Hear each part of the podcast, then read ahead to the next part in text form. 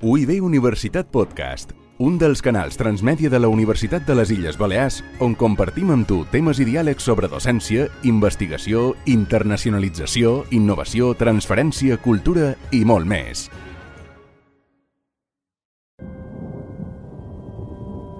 Lluitar pels drets humans a ser perseguides per lluitar pels drets humans. D'entrada sembla que hauria de ser una contradicció, però és una realitat comú. D'això va aquest capítol de En quin món vivim? Reflexions sobre el canvi d'era, un podcast de l'Oficina de Cooperació de la Universitat de les Illes Balears. En Xema González és a la part tècnica i vos parla David Oliver Ramon. Les protagonistes en aquesta ocasió són Elena Maleno Garzón, periodista, i Marusia López Cruz, defensora dels drets humans també. De Maleno ens sentirem unes declaracions que han pogut recollir de Marusia a l'entrevista que enregistrarem al hall de l'edifici Jovellanos de la universitat, en un acte obert al públic, com ens agrada fer en aquest projecte, a prop de la comunitat universitària. Seguim les paraules de Maleno, alhora que vos anirem fent una pinzellada de la seva trayectòria. Evidentemente no hay una cultura de lo que significan los derechos humanos. Hay una idea de unos derechos humanos que al final en realidad son privilegios.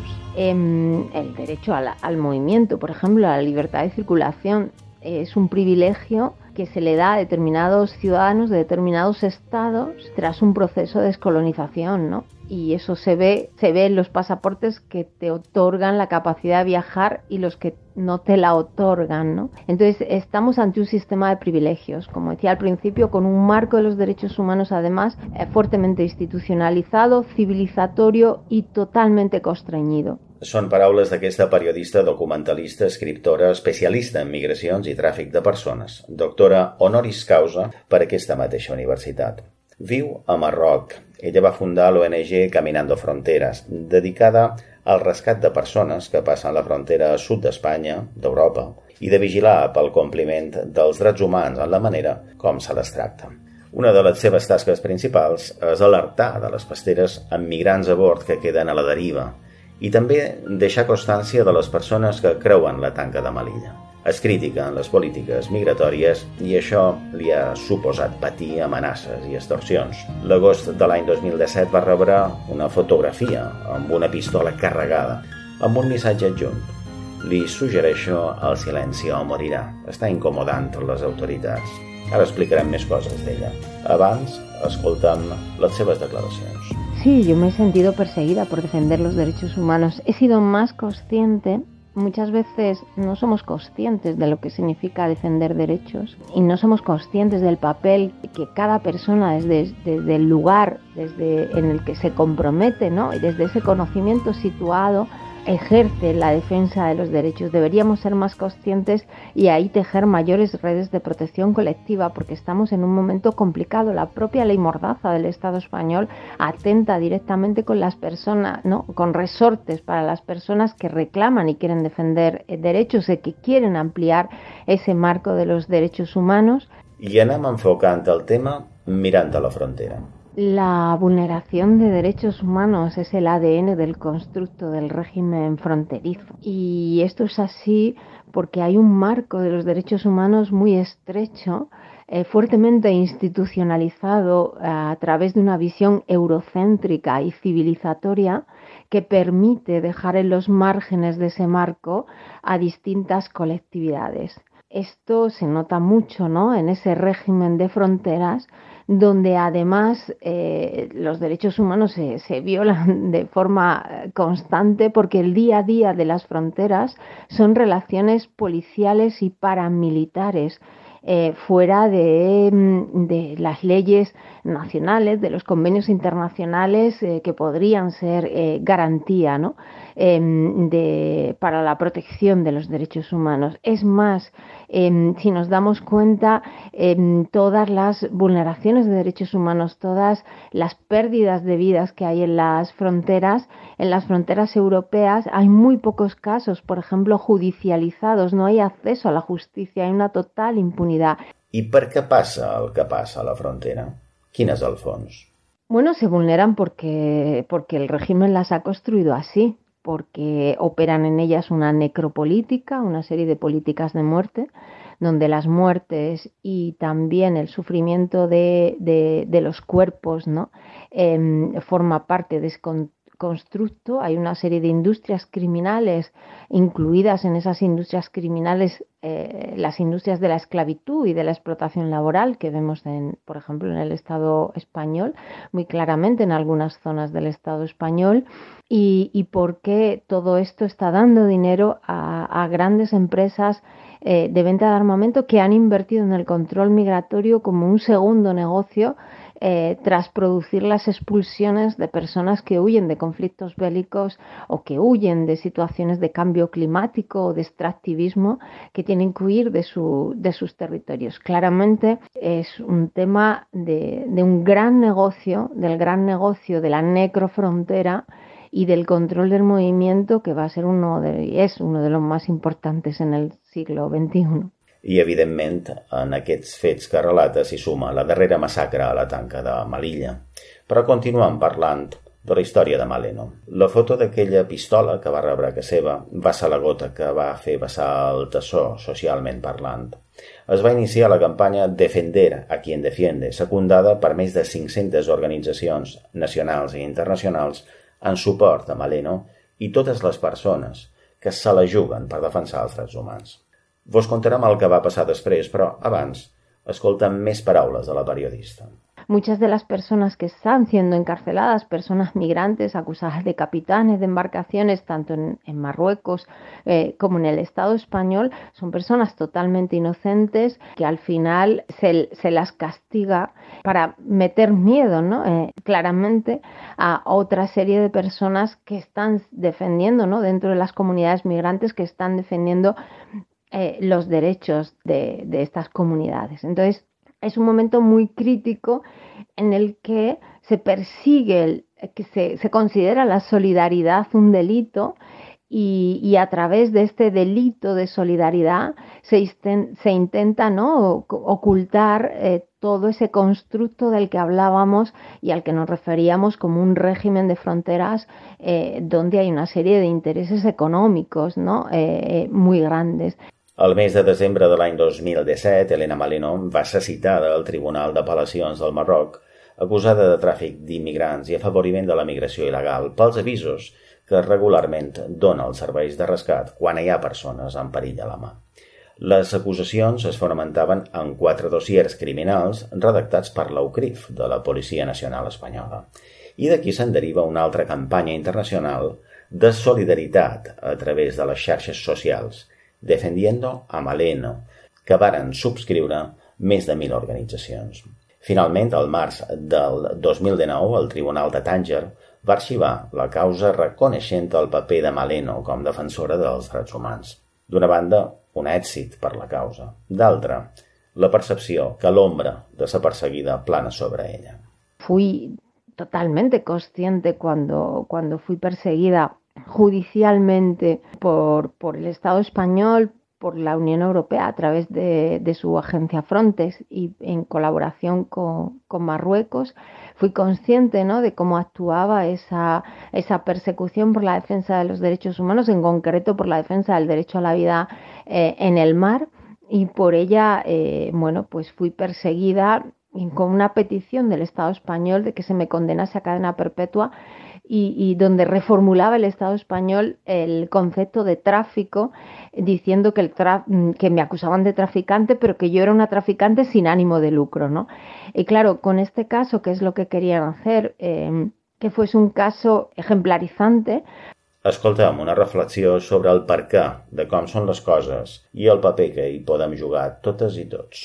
La propia declaración de, de, quiénes son refugiados y quiénes no son refugiados, pues es una declaración hecha desde la blanquitud y hecha en un momento que no responde a la realidad que vivimos ¿no? hoy en día.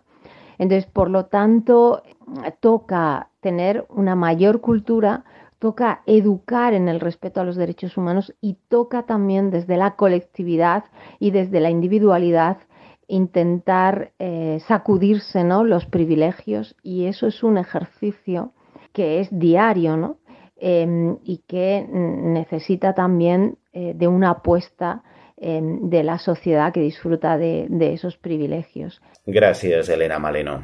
Passam a l'altra lluitadora pels drets humans, a la conversa que enregistràrem amb ella en una sessió oberta al públic a la Universitat de les Illes Balears.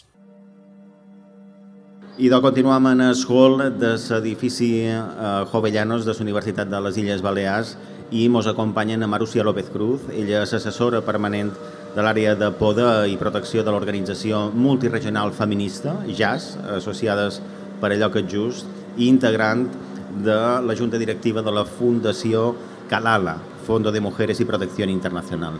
Marúcia, gràcies per, per ser-hi. Gràcies a ustedes. Eh, Marúcia, per fer una primera introducció, per anar entenent com és la teva vida i la teva feina, com m'explicaries en allò que te dediques?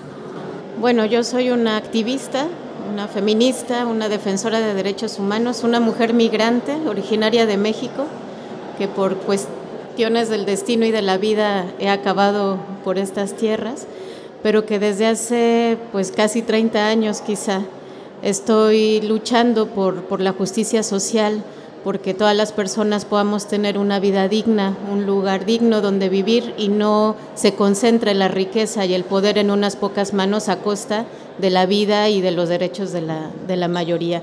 En ese caminar hemos visto de manera recurrente cómo los gobiernos, cómo las empresas privadas, cómo eh, los grupos de poder eh, buscan silenciar a aquellas personas, a aquellas organizaciones que, quieren cambiar las cosas para que este mundo que tenemos, que tiene todo para vivir dignamente, pues sea de todos y de todas y no de unos, unos solos. Eh, ¿Y cómo lo hacen? Pues utilizando la fuerza del Estado para reprimir las leyes mordaza que existen en todo el mundo.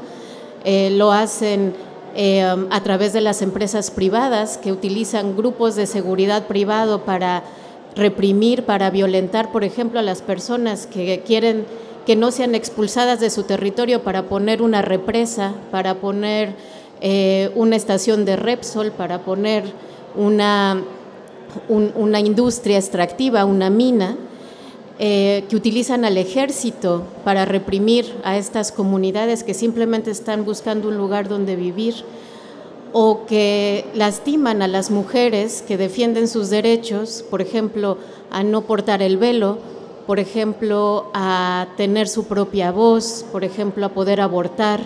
Eh, todos estos eh, derechos que buscan ser silenciados, ¿por qué? Pues porque confrontan al poder.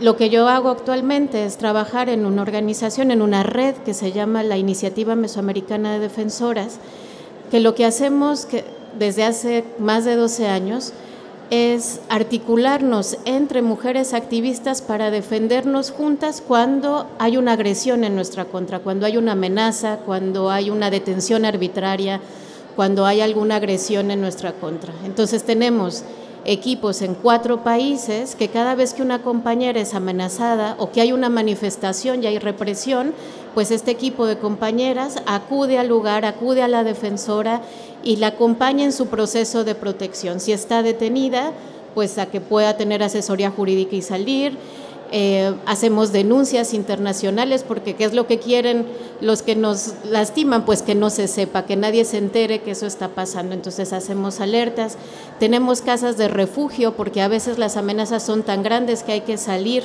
del lugar donde vivimos para refugiarnos. Y tenemos casas de descanso porque el trabajo de activismo es un trabajo... Eh, muy desgastante, es estar confrontando el poder, es estar enfrentando la violencia, eh, continuamente y a veces hay momentos en los que hace falta tomar un respiro, como todas las personas, y tenemos también un espacio de, de descanso para activistas. A quins quatre països sou, Marúcia? Eh, Honduras, Nicaragua, El Salvador i México. Poder fer feina des de fora és una, una arma, una eina per poder actuar amb més llibertat? Bueno, la defensa de derechos humanos más efectiva es la que se hace en el territorio donde cada una vive, ¿verdad? Entonces, quienes hacen el trabajo más importante de donde yo estoy actualmente son las que están pues en Honduras, en El Salvador, en México, presentes en los momentos de riesgo y acompañando a las compañeras que necesitan algún apoyo o a las organizaciones o a las comunidades. Pero también es importante que lo que pasa en esos países, que lo que pasa en esas comunidades salga al exterior. En un mundo globalizado es muy importante que sepamos que, que lo que pasa en Honduras no solo tiene que ver con la gente de Honduras, que lo que pasa en Colombia no solo tiene que ver con la gente en Colombia. Si investigamos un poco encontraremos conexiones muchas que llegan hasta Mallorca o que llegan hasta el Estado español o que llegan a muchos países europeos cuyas empresas son, por ejemplo, las que están eh, generando la violencia contra estas activistas en sus comunidades. Entonces, la parte que a mí me toca eh, es, por un lado, facilitar el trabajo que hacen mis compañeras, que tengan los recursos, que se vaya documentando todo lo que ellas van trabajando y, por otro lado, llevar la denuncia de lo que pasa ahí pues a todos lugares donde podamos. Marúcia, eh, parlaves d'una presa, no? Eh, indústries energètiques, tot això té molt a veure, com deies, amb empreses europees i espanyoles. No? Pues Puedo ponerles un caso que justo es de esta semana. Es eh, una mujer que se llama Melissa Martínez, que estuvo hace dos semanas en Irlanda, en Dublín, en una reunión que se hace de más de 100 activistas por los derechos humanos en todo el mundo para intercambiar cuál es la situación global del activismo, de la lucha por los derechos humanos. Y ella nos contaba que estaban recuperando una tierra ancestral. Ella es del pueblo garífuna. El pueblo garífuna es de los pocos pueblos negros que no fueron eh, sometidos a la esclavitud. Gracias a que el barco donde viajaban naufragó, ellos pudieron liberarse y establecieron la primera comunidad eh, garífuna en, en, Honduras y en otros países centroamericanos y han tenido siempre un orgullo muy importante de que no fueron esclavizados y han luchado históricamente por la libertad de su pueblo y de otros pueblos afroamericanos en, en el continente. Las tierras donde ellos viven han sido objeto de, de codicia de, por ejemplo, los que plantan palma africana, eh, el aceite de palma, y el Estado español es uno de los países que más invierte en la importación de palma africana de Honduras. Entonces ahí encontramos una conexión. Es un territorio que también ha sido asediado por el narcotráfico, porque está pegado a la costa y entonces han hecho ahí pistas eh, ilegales. ¿Dónde se consume la mayor cantidad de droga en el mundo? Pues en Estados Unidos y en Europa, básicamente. Y además es una zona tan bonita como esta isla, y es, es una zona, digamos, continental y una serie de islas eh, que son muy codiciadas por el turismo. Y esto nos sonará mucho a quienes vivimos aquí, ¿verdad? Y esas empresas turísticas pues quieren también quitarles sus tierras. Y ahí, en una de estas islas, por ejemplo, se está grabando o se ha grabado Supervivientes. Este reality show que mientras se está grabando, por ejemplo, no dejan a los pescadores eh, pescar en la zona donde se está haciendo la grabación, eh, quitándoles su medio de sustento. Incluso los han repelido con armas de fuego para que los señoritos y señoritas que están en el reality show pues puedan estar tranquilamente grabando sus cosas. Una tierra que es de este pueblo, una tierra que ellos han labrado, que ellos han construido, donde además han tenido mucho cuidado de no destruir el territorio. Bueno, hace unos días en una de las primeras comunidades eh, que se llama Punta Piedra, Punta Piedra eh, y Cayo Cochinos, que es donde se graba este, este reality show, tienen una sentencia ganada de la Corte Interamericana de Derechos Humanos que le exige al gobierno de Honduras que les devuelva la titularidad de la tierra, que regularice la tierra, la propiedad de la tierra para que nunca más nadie pueda quitarle su territorio.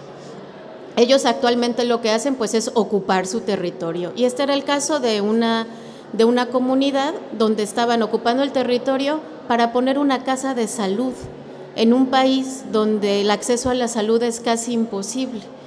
Pues en este lugar llegó la policía fuertemente armada, quemó eh, las construcciones que se estaban haciendo para la casa de salud detuvo a esta compañera Melissa y a otras personas del pueblo garífuna y de la organización eh, em, negra de Honduras, que es quien, quien organiza este campamento de resistencia, y se la llevaron esposada y estuvo toda la noche en, en prisión.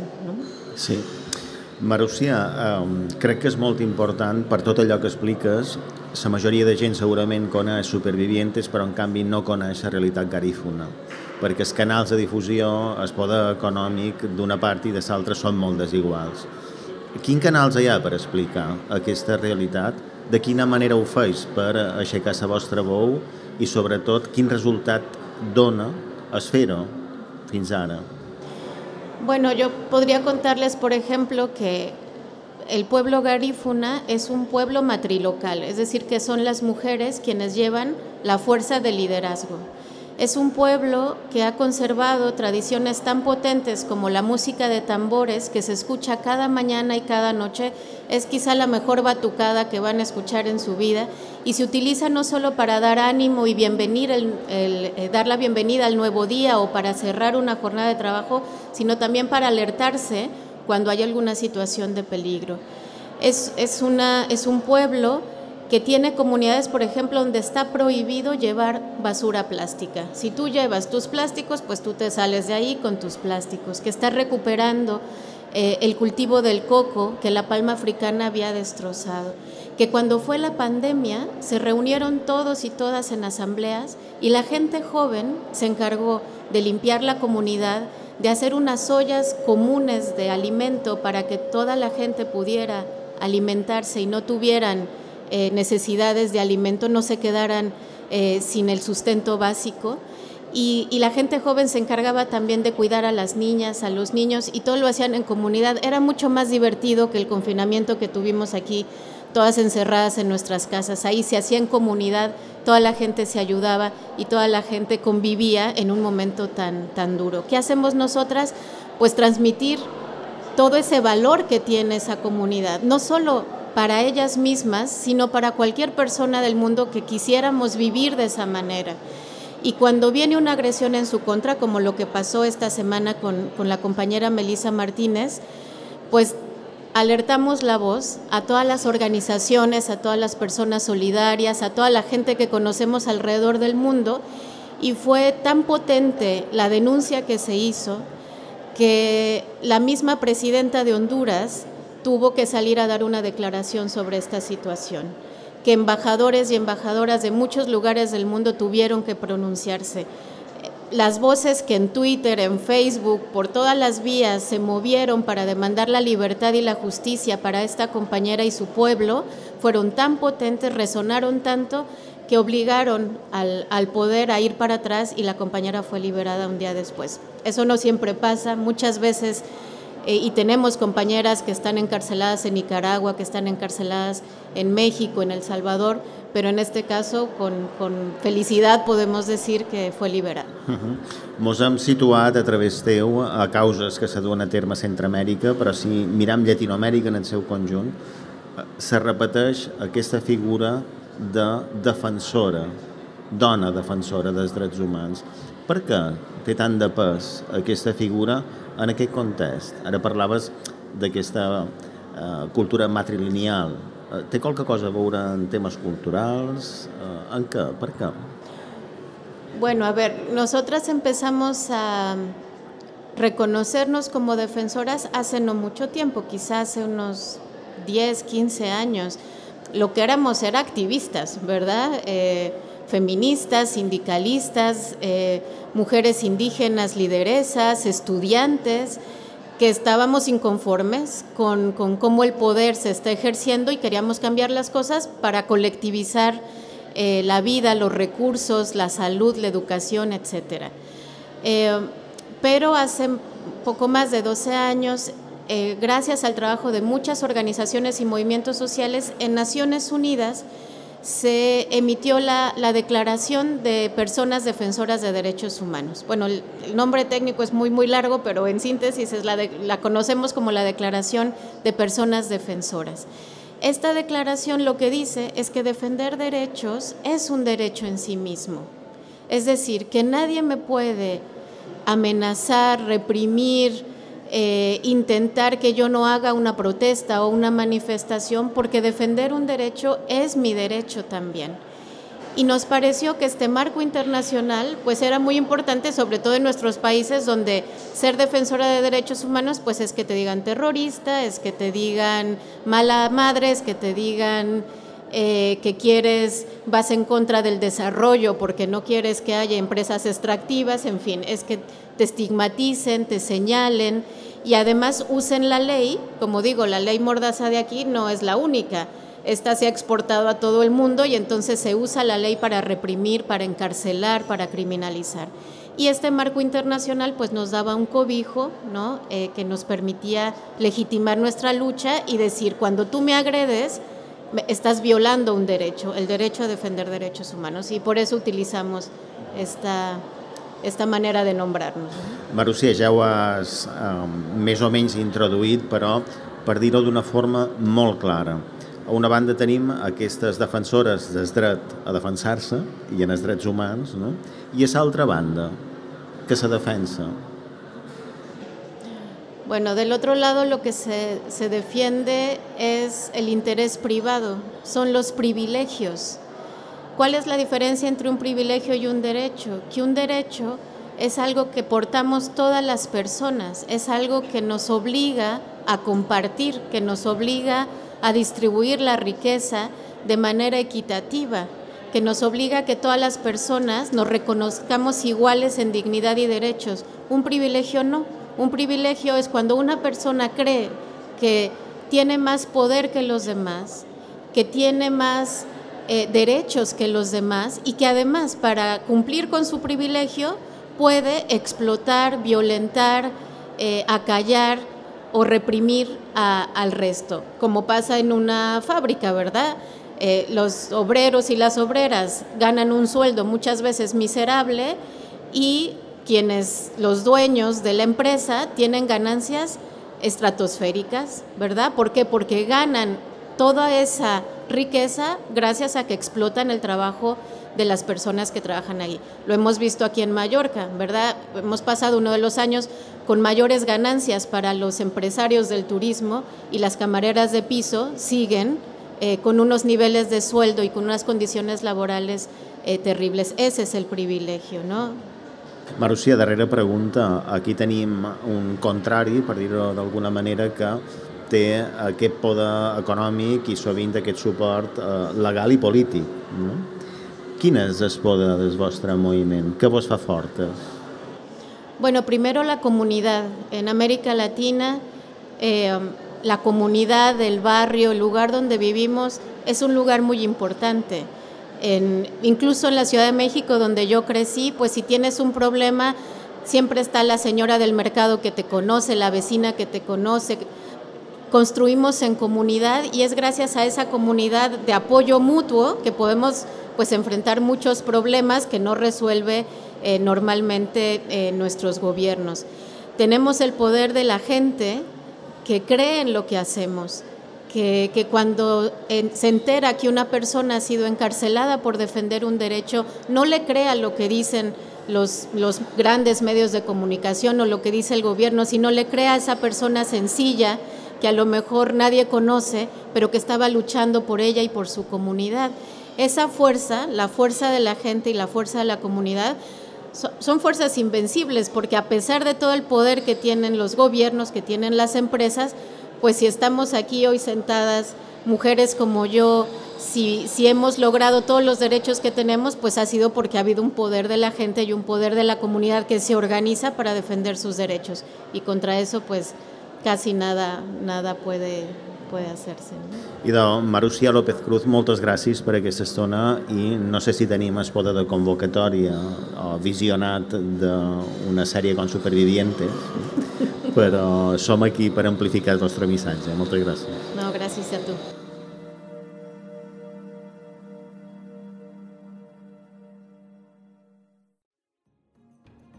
UIB Universitat Podcast un dels canals transmèdia de la Universitat de les Illes Balears on compartim amb tu temes i diàlegs sobre docència, investigació, internacionalització, innovació, transferència, cultura i molt més.